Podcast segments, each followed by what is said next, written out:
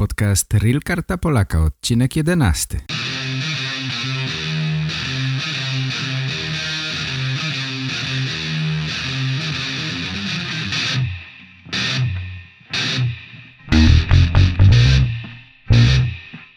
Cześć moi drodzy, witam wszystkich bardzo serdecznie i zapraszam na kolejny odcinek podcastu Real Karta Polaka.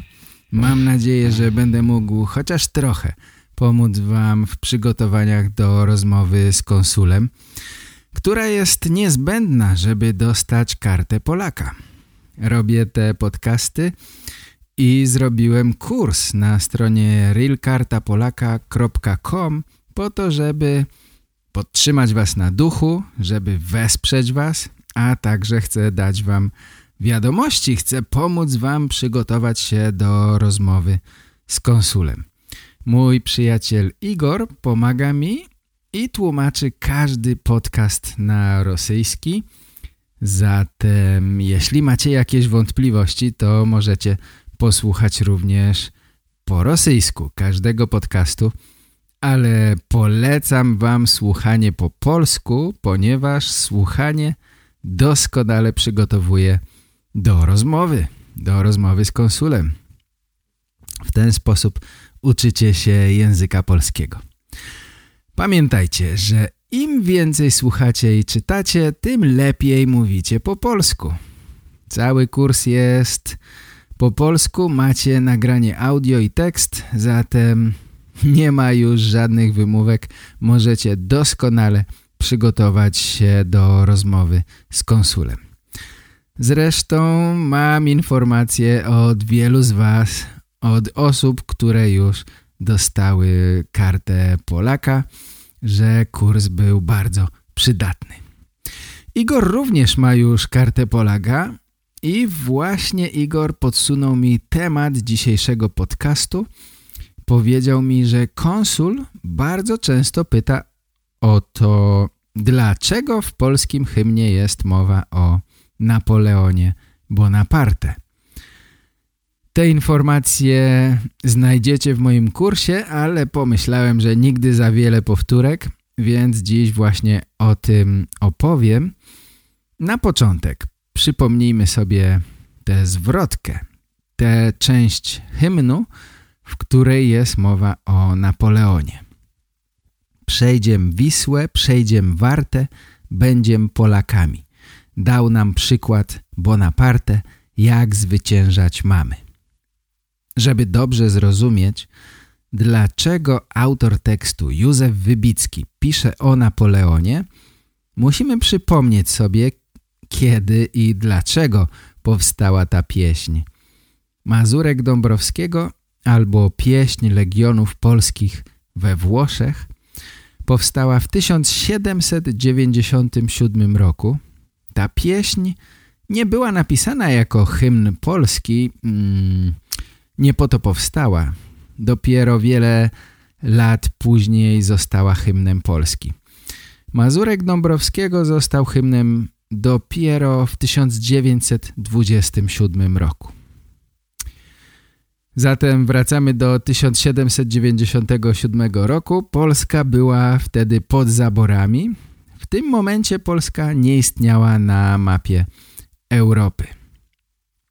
W tym czasie Francja prowadziła wojnę z jednym z naszych okupantów, to znaczy z Austrią.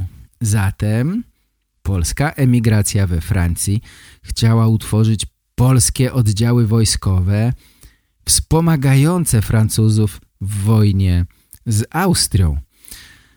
Ale konstytucja francuska zabraniała tworzenia na terenie Francji oddziałów cudzoziemskich.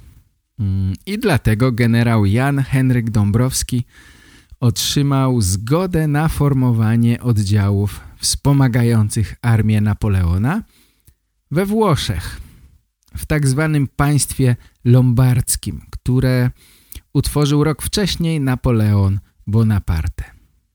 Na wezwanie Dąbrowskiego kadra oficerska, ochotnicy przyjeżdżali do Włoch, aby tworzyć legiony polskie, nazywane też legionami Dąbrowskiego. Wojska te podlegały dowództwu Bonapartego. Nadzieja Polaków, nadzieja legionistów była związana ze zwycięstwami Napoleona, który odnosił wtedy sukcesy militarne.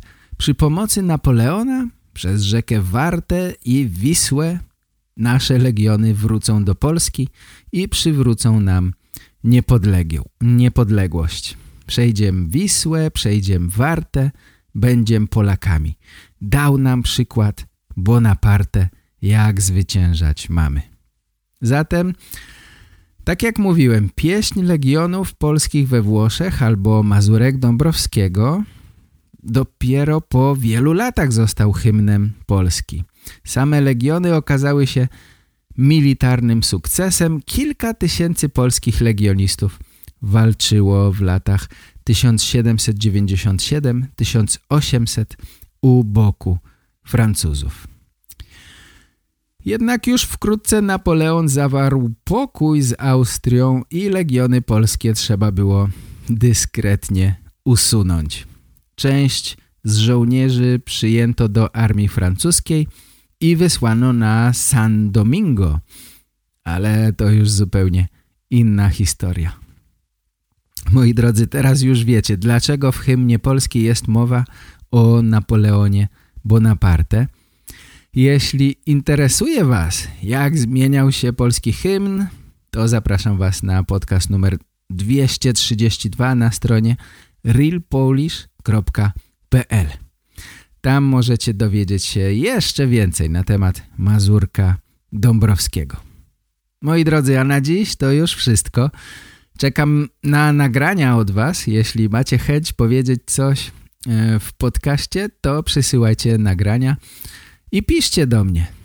Trzymajcie się zdrowo, życzę Wam powodzenia podczas rozmowy z konsulem, szybkich postępów w języku polskim. Pozdrawiam wszystkich bardzo serdecznie.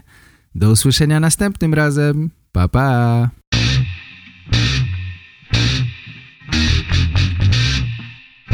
Po więcej informacji na temat kursu zapraszam na stronę realkartapolaka.com.